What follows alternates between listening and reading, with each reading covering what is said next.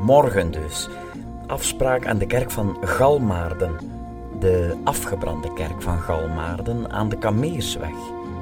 Pal in het centrum om klokslag 12 uur. En dan geef ik je mijn verdere instructies.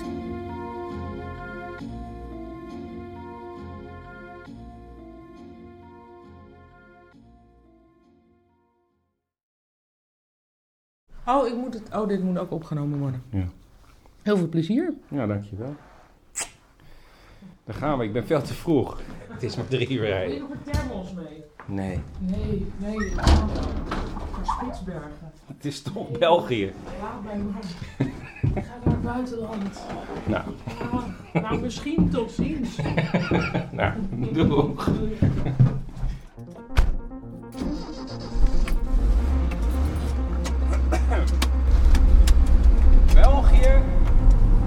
Ik kom eraan. Ik sta nu bij La Place in Hazeldonk, bij de cashier. Ik ga naar België, maar kunt u de Belg typeren voor mij? Ongeduldig. Hier, ja, Ja? hier wel. Ja. Oh, heel goed. En wat doen ze dan? Ze willen dan heel snel eh, alles afgehandeld hebben om te gaan zitten en dan gelijk weer doorgaan natuurlijk. Want dan eh, kunnen ze gaan shoppen de hele dag. Mag ik u ook wat vragen? En zou u de, de Belg kunnen typeren ten opzichte van de Nederlander? Wat is het verschil? Aardige mensen, Oh. niet brutaal. Aardige mensen en niet brutaal, die vragen niet zoveel. Zoals ik bijvoorbeeld, of niet? Bijvoorbeeld, Ja? ja, typisch Nederlander bent u. Helemaal? Maar er zijn natuurlijk ook Vlaamse journalisten die mensen dingen vragen. Nee hoor, heel anders. Ben bijna in België.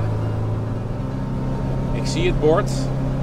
5, 4, 3, 2, 1. België. Ja, toch leuk. Oh, hey, hier heb ik een ander bord van Galmaarden. En dit is meer een historisch bord van Galmaarden. Dus nu kom ik echt het historische Galmaarden binnen. Maar ja, wel weer huizen met de rolluiken naar beneden. Wat is dat toch? Kleine raampjes. Eh, Is er überhaupt een architect aan te pas gekomen, vraag ik me af. Bij vrijwel alle huizen. Het is niet echt een vriendelijk dorpstraatje eigenlijk. Nou, op zoek naar de kerk. Ah, centrum, rechtuit.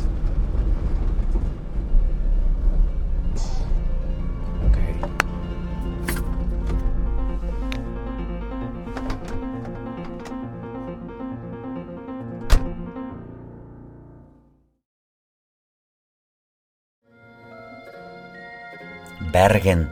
Chris, ken je dat? Jij daar in je vlakke land?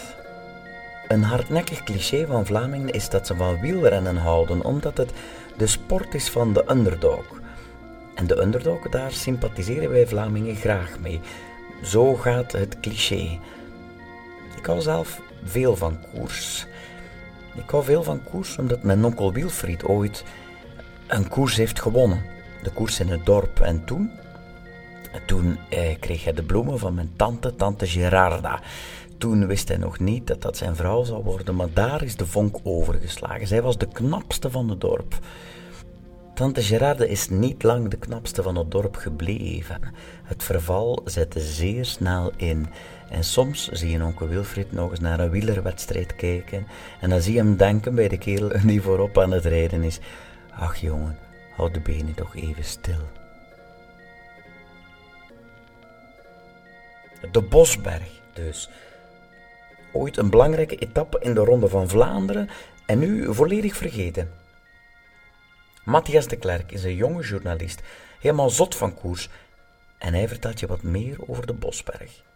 En het zou me niet verwonderen dat de naam Edwig van Hooijdonk hierin zal voorkomen. Of dat de koers typisch Vlaams is, ehm, dat denk ik echt wel. Eh, veel meer dan voetbal. Koers is eigenlijk helemaal geen sport voor echte vedetten, hoewel die wel gemaakt worden dankzij het wielrennen. Maar diep in zichzelf denk ik dat iedere Vlaming een beetje een brikschotten is. Iemand die ehm, van bescheiden komaf is, er niet te veel over rondtoetert, maar wel uh, in de regen en tegen de wind een beetje tegen zichzelf uh, koerst. België en Vlaanderen zijn vooral het land van de underdogs en die vind je vooral in de koers. En dat was eigenlijk ook Hedwig van Hooydonk. Dat was eigenlijk een heel jong kereltje toen die in 89, denk ik, voor het eerste ronde van Vlaanderen. En de rest heeft het moeilijk. Hermans valt nu stil 20, 30 meter voor Hedwig van Hooydonk. Op uh, Dagotto Lauritsen met een kleinere versnelling. En Lauritsen uh, heeft het moeilijk daar met die kleine versnelling tegen een ontketende Hedwig van Hooydonk nu. Met een grote versnelling. En de anderen kunnen niet goed mee, hier ook niet. Hermans en Seurensen en Piper en Frison en Sergeant. Die hebben het moeilijk op die kasseisto. Steen hier 50 meter voorsprong voor Hedwig van Hooydonk die even omkijkt. En dat ventje was toen ja een begin twintiger en die heeft eigenlijk zijn bekendheid en zijn ganse carrière te danken aan de Bosberg in uh, Galmaarden, want dat is de, traditioneel de laatste helling voor de finish. En daar precies demareerde hij telkens um, van. Dus in 89 een eerste keer, daar demareerde hij en won hij de Ronde van Vlaanderen. En twee jaar nadien, in 91, denk ik dat hij daar opnieuw demareerde op die Bosberg en nogmaals de Ronde van Vlaanderen won. En zeker de eerste keer is dat mooi om te zien, omdat hij, een, ja, hij was een echte ja, underdog in 89, gewoon een schreel, friel um, manneke die daar demareert en hij, ja, en hij huilt onbedaarlijk na afloop van die koers. Van Hooydonk maakt een jongensdroom waar. Hij laat zijn emoties de vrije loop. Zijn vreugdetranen gaan de wielergeschiedenis in. Dit is een van de meest beklijmde Ronde van Vlaanderen beelden. Maar de Bosberg, de aanloop daar naartoe, dat is eigenlijk gewoon een lange weg waar de wind precies van alle kanten komt. En dan sta je plotseling aan de voet van een heel steile kasseiweg die gewoon rechtdoor loopt. Je ziet het begin, je ziet het einde en het blijft. Het is precies een eeuwige een eeuwige stijgende berg. Maar ik vind niet dat je kunt zeggen dat een helling vergaan een glorie is, want een helling kan gewoon niet vergaan. Het blijft glorieus. Want als je daarover passeert, dan zie je echt nog de koers zoals die vroeger was, en zoals die nu helaas niet meer is. Vroeger was een koers van A naar B. En eigenlijk is dat heel mooi om naar de koers te kijken, omdat je eigenlijk naar één lang verhaal kijkt. Is dit dan de top, denk je? Ik denk dat we bijna aan de top zijn. Man. Hier loopt een man. Er woont een man te rennen, die weet er veel meer van. Toch? Ja, mijn moeder zegt altijd, als je niet weet, moet je het vragen. Meneer? Hallo. Oh, bent u buitenlands? Nee, ik ben Vlaams. Oh, u, u klonk een beetje als een Engelsman. Is Hallo. Hallo. Ik ben hier omdat hier vroeger de Ronde van Vlaanderen langskwam. Dat is waar, ja. En dit was een, een belangrijk punt. Niet deze weg, maar als je hier verder gaat, rijd je de baan uit en dan rechtsop. En daarachter ligt de Bosberg. Ah, dus we moeten nog een stukje verder. Daar in het bos. Als je levend boven bent gekomen, Chris, als je het zuurstoftekort hebt overwonnen, wat zie je bovenop de Bosberg?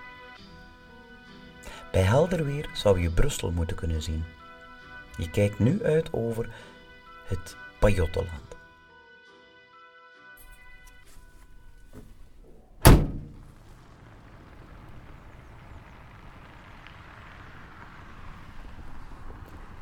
Zo.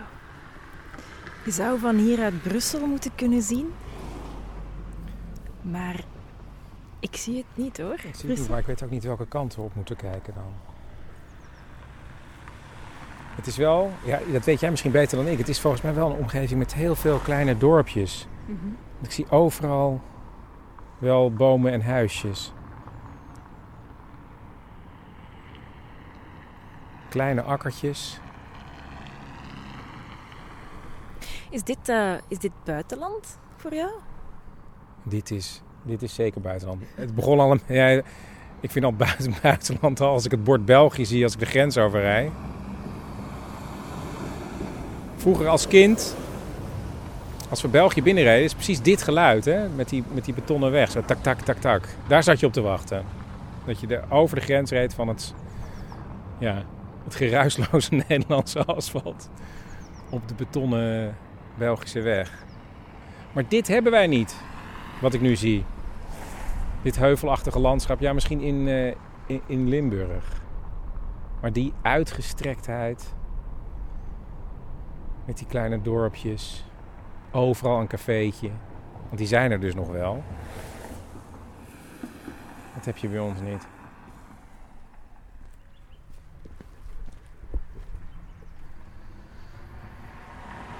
Ah, de heilige Paulus.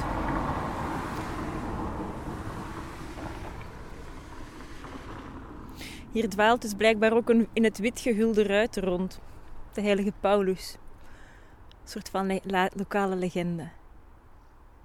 En hier hebben ook roversbenden zich schuilgehouden, zoals de bende van Jan de Lichte. Ken je die? Louis Pelboon heeft daar nog over geschreven.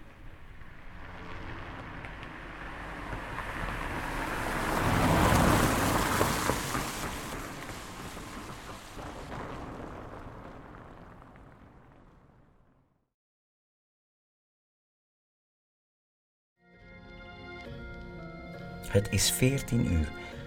We staan weer aan de kerk van Galmaarden.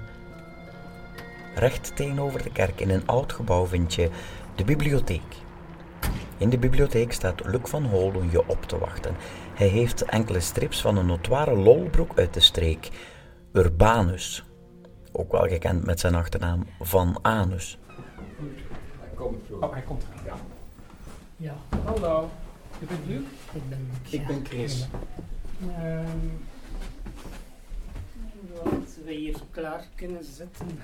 Ehm, die strips van Urbanus worden enorm veel uitgeleend in de bib natuurlijk, want we hebben veel dubbele exemplaren ook. De tenor van Tollenbeek, dus ja, dat is duidelijk. Hè. Is een deelgemeente van Galmaarden en eh, Urbanus woont in Tollenbeek. Vandaar dat ik dus vooral de titels van Tollenbeek opgezocht heb. Maar Tollenbeek is een deelgemeente van Galmaarden eigenlijk. Ik zal je zeggen, als kind zo- was ik Ja. een enorm fan van Urbanus. Ja. Ik was zo'n grote fan als kind dat mijn ouders mij toen. Mijn allereerste theaterervaring was een optreden van Urbanus in Haarlem. Ja, Zat ik helemaal hoog op het balkon. ja, Ik moest toen op de trap gaan zitten om, omdat ik anders niks kon zien. Ik vond dat geweldig. En ik luisterde ook heel vaak Ja. cassettebandjes en Ja, platen van. Ja, Dat kon ik dan ook meezingen. Ja. En ik had ook vrij snel door dat hij woorden gebruikte die ik niet ken. Zoals de zwaantjes. Dat was de politie, geloof ik. Zwaantjes, De ja. zwaantjes ja. komen? Ik weet eigenlijk ook niet eh, van, van waar dat zou kunnen komen, de zwaantjes. Ja, dat is hier echt een dialect. Wij zijn eigenlijk de zwontjes in, eh, ja, en toen dacht ik, want ik kende die plaat, ik kon meezingen met, met nummers. En toen wist ik dat er een strip was. En toen ben ik een keer een strip van Urbanus gaan kopen. Ja, En ik begreep er helemaal niks van. van die strips. Nee.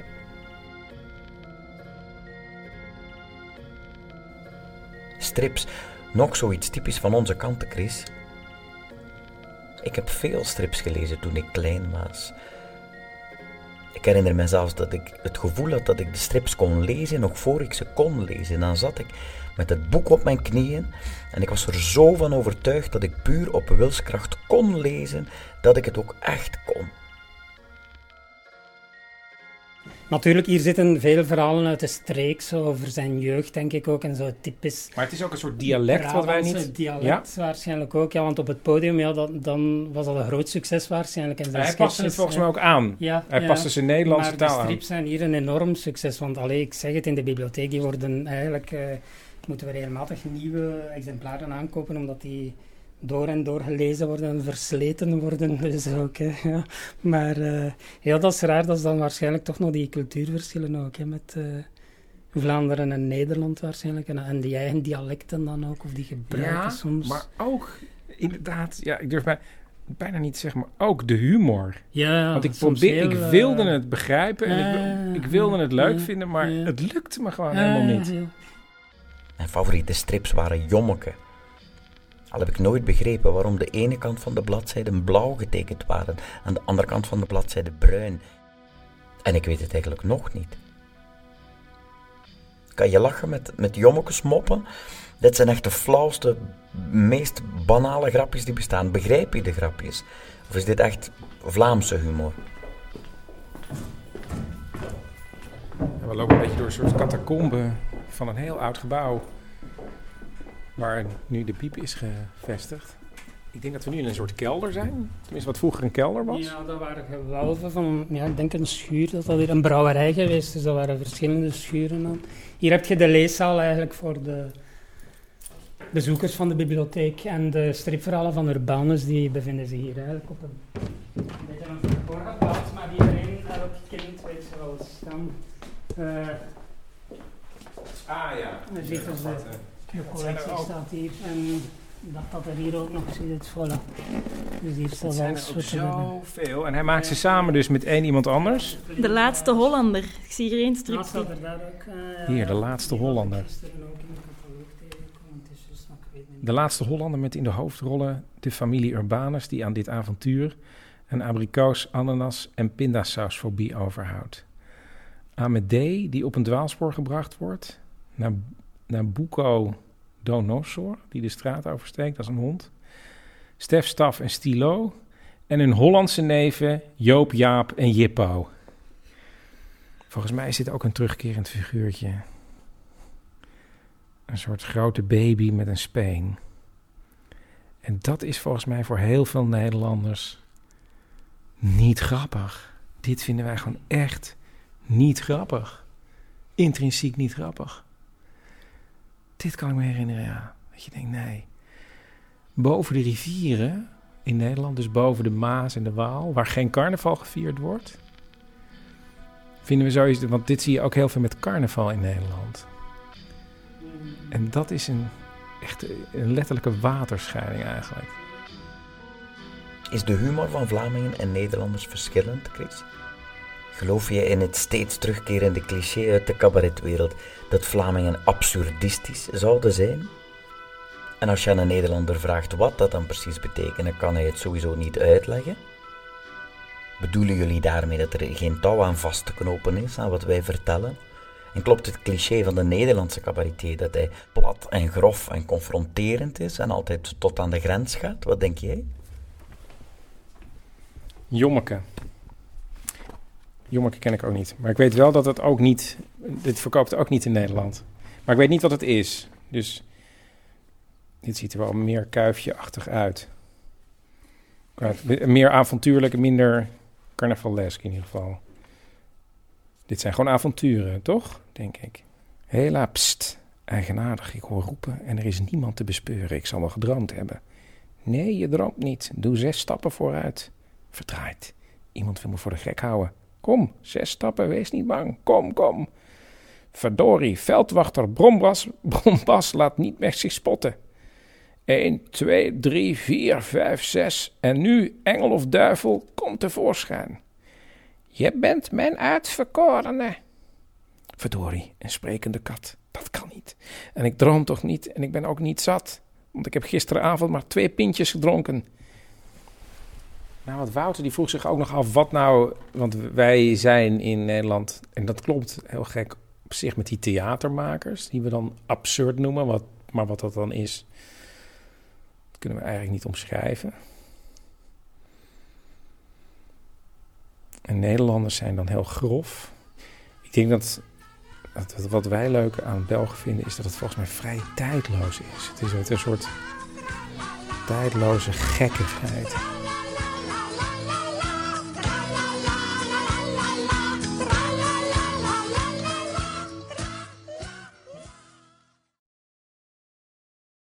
Het is 16.30 uur of half vijf, zoals we op sommige plaatsen in Vlaanderen zeggen, of vier noof, zoals ze in mijn geboortestreek zeggen. Rijd nu naar de Pauluskapel in het Sint-Paulusgehucht, een stukje buiten Galmaarden in de richting van Gerardsbergen, in het groen, aan de Kapellendreef.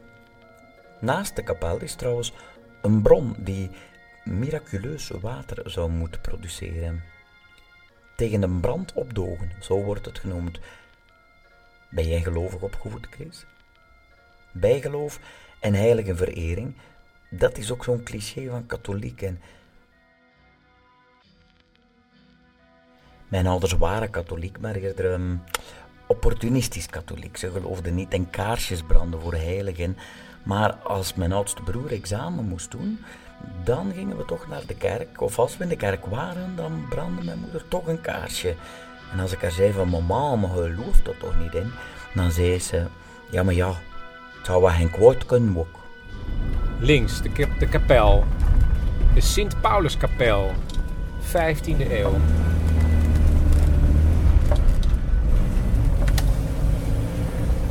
Daar is hij. Zou dit de meneer ook zijn? Die op mij wacht? De grote Mercedes komt ook net aanrijden. Die parkeert naast de kapel.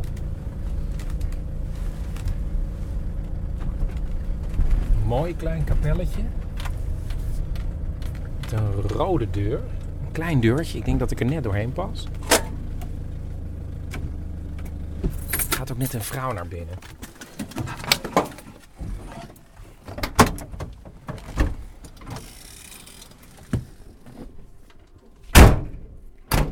Deze kapel staat er hier iemand op te wachten, Chris. Om je te straffen voor alle zonden die je in je leven al hebt begaan. Hallo.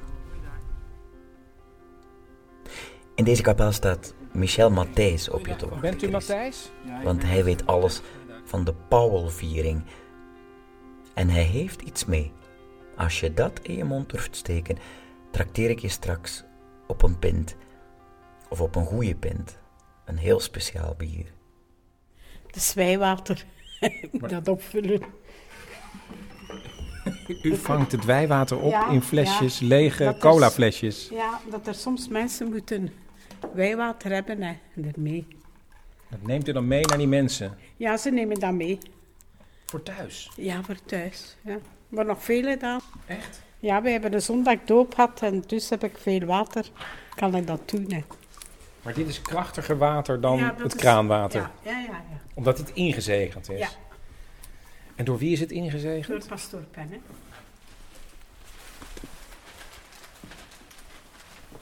Maar wat wil je nu eigenlijk weten? Iets over de historiek van de kapel of, of over de Pauwelviering alleen? Of eh, wat wil u weten? Want onze pastoor Penne die is kwistig, hè, met zijn wijnwater. Hè? Dus die, als die dat gebruikt, dan is dat eh, met volle macht. Hè? Ik wil echt wel iets weten over de hoed die u nu heeft uitgepakt. Ja, want dat heeft iets met de Powell-viering te Ja, maken. ga dat eerst uit. Kijk. Dat is nu bijvoorbeeld een Pauwelviering van het jaar 1960.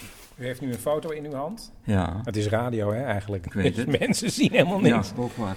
Ja, ook maar Maar ik zie een u kan- u kan toch volgen, hè? Ja, U kan beter ik- volgen. Ik zie een Powell-viering uit 1960. Ja. Met mensen die eh, verkleed zijn in een soort wit kostuum met een zwart giletje. Zo is het. En er staat één iemand in het midden. Dat is de Powell. En Die die, heeft deze draagt hoed op. dergelijke hoed. Dergelijke hoed. Want ieder jaar is er een nieuwe Powell-bende. En dat is een heel verhaal. Hè? U moet het zo zien. Hè? Ik ga u in kort proberen te vertellen hoe dat tot stand gekomen is.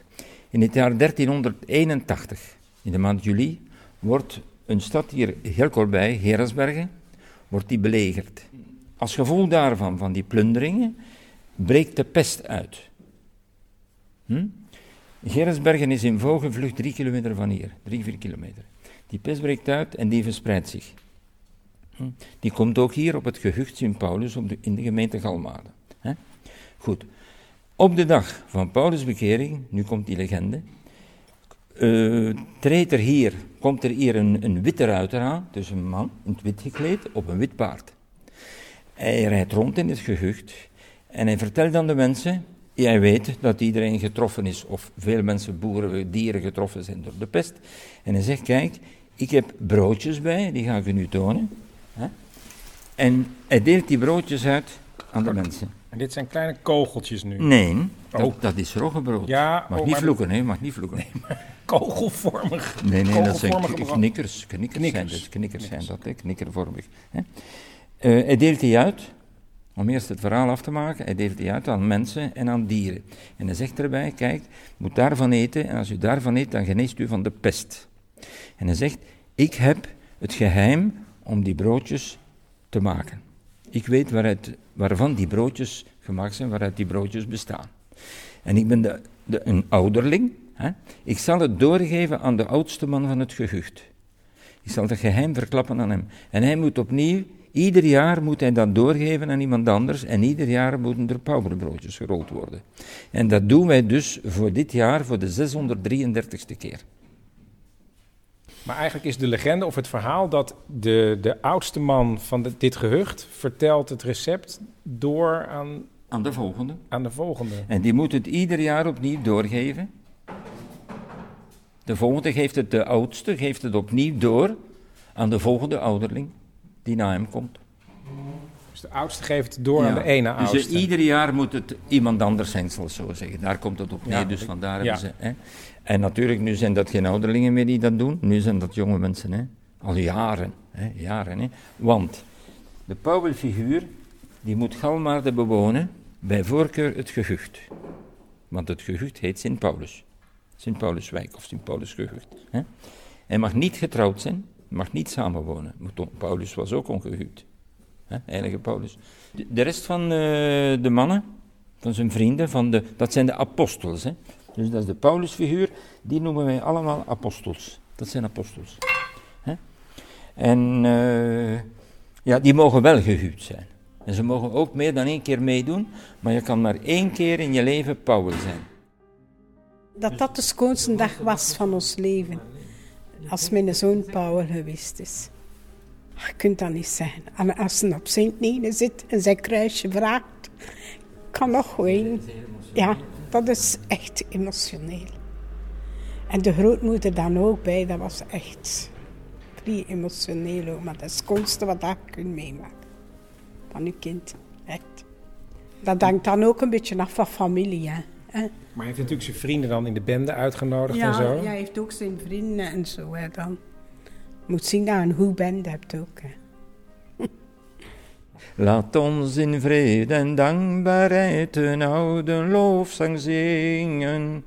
Die Paulus heeft voorbereid, beminde jongelingen. Maar het zijn wel vijf strofen, hè, dat ga ik je niet aandoen. Dat is te lang.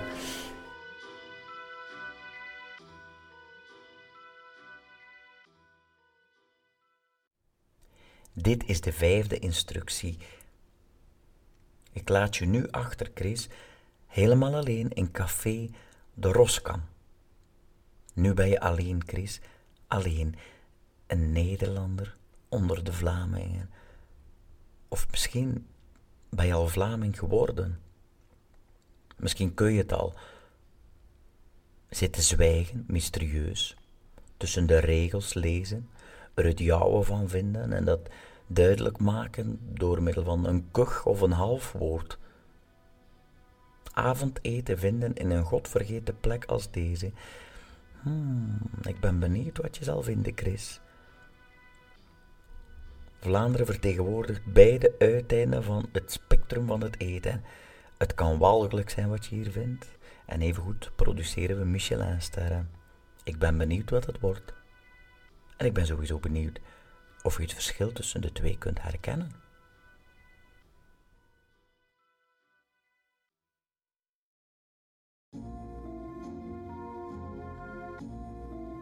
En dan word ik alleen gelaten. In het café. En ik spreek met Christophe, een Belgische kaatser die elk jaar naar de beroemdste kaatswedstrijd in Nederland gaat. En aan hem vraag ik nog een keer hoe de Belg de Nederlander ziet. Je mag heel eerlijk zijn. Ehm daar moet ik toch even over nadenken hoor. Eh, Ehm, in sommige mensen gaat arrogantie, het woord arrogantie vallen, maar ik ga het eerder omschrijven als ze zijn direct heel open. Ehm, ze zeggen hier bij ons gierig soms, de Nederlander, maar ik moet eerlijk zeggen, dat is niet echt gierig. Als een Nederlander of een Fries beter gaat leren kennen, is het eerder prijsbewust. Maar niet gierig. En aan de bar zit achter een glas Jupiler zonder zijn bende, dat wel, een oude Powell. Wacht een minuut. Kijk, eh zie, voilà, ik ga in mijn broekzak en ik haal er één uit. In elke zak, in elke frak zit er bij mij een powelbroodje in. Want dat brengt geluk mee. Het En helpt zo. het? Ik denk het wel. Ik denk het wel, want ik geloof daarin. En ik weet dat hij er echt in gelooft.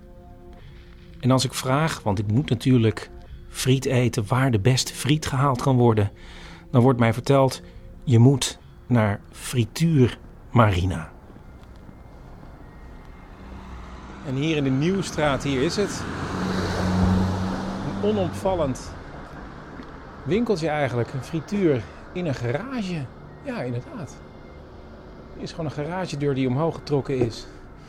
En daarachter is de frituur. De frietent wordt gerund door één vrouw. En die maakt nu voor de klant voor mij een bakje friet. En het schudden van de friet duurt, ik heb het voor u uitgemeten, exact 15 seconden. En als de klant weg is, ben ik nog de enige in de zaak.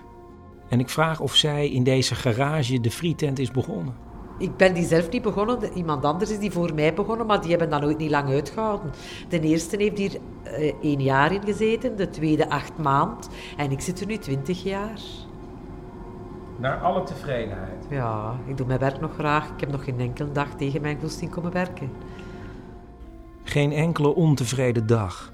En dat was wel wat anders 20 jaar geleden, toen ze op 34-jarige leeftijd van de ene op de andere dag ermee begonnen was, nadat ze besloten had niet meer in de fabriek te willen werken. En nu is ze bijna altijd open. Ze zou wel op vakantie willen, naar Nederland bijvoorbeeld, maar ja. Maar dan moet ik dicht doen. Mensen staan aan de deur, hè. Maar het is toch uw leven? Ja, dat wel. Maar ja, als je werk graag doet... Ik zie dat niet als werken. Voor mij is dat hier ook zo'n beetje mijn thuis. Ik heb hier de sleutel, ik kom hier binnen, ik woon hier ook. U heeft eigenlijk elke dag vakantie? Ik heb elke dag vakantie. ja. En hoe de zaak eruit ziet? Typisch Belgisch zou ik zeggen. Kaal, zonder enige opsmuk. Ja, en iedereen denkt dat, ja, het is, het is proper. En, en, ja, kijk, ik, ik kuis altijd mijn friteuse af. En, en, en de mensen, ja, je ziet ook geen vet afdruipen. En, en, en de luxe moeten de mensen niet hebben. Ze moeten lekkere friet hebben. En daarvoor komen de mensen naar hier. Het gaat om de friet en niet om de poespas. Het is misschien een onogelijke garage, maar uiteindelijk staat hier dus de vrolijkste frietenbakker die ik ooit gesproken heb. Met ontzettend lekkere friet. En als ik naar mijn slaapplek rijd, dan denk ik daar verder over na. Ik passeer dezelfde huizen als vanmorgen. Maar nu ben ik vooral benieuwd welke levens zich in de huizen afspelen en interesseert het me eigenlijk helemaal niet meer hoe die er van buiten uitzien. Ik besluit nog één keer de Bosberg op te rijden. Dit moet het ontsnappingspunt zijn, denk ik. En dan is het genoeg voor vandaag. Galmaarden is ook een beetje van mij geworden.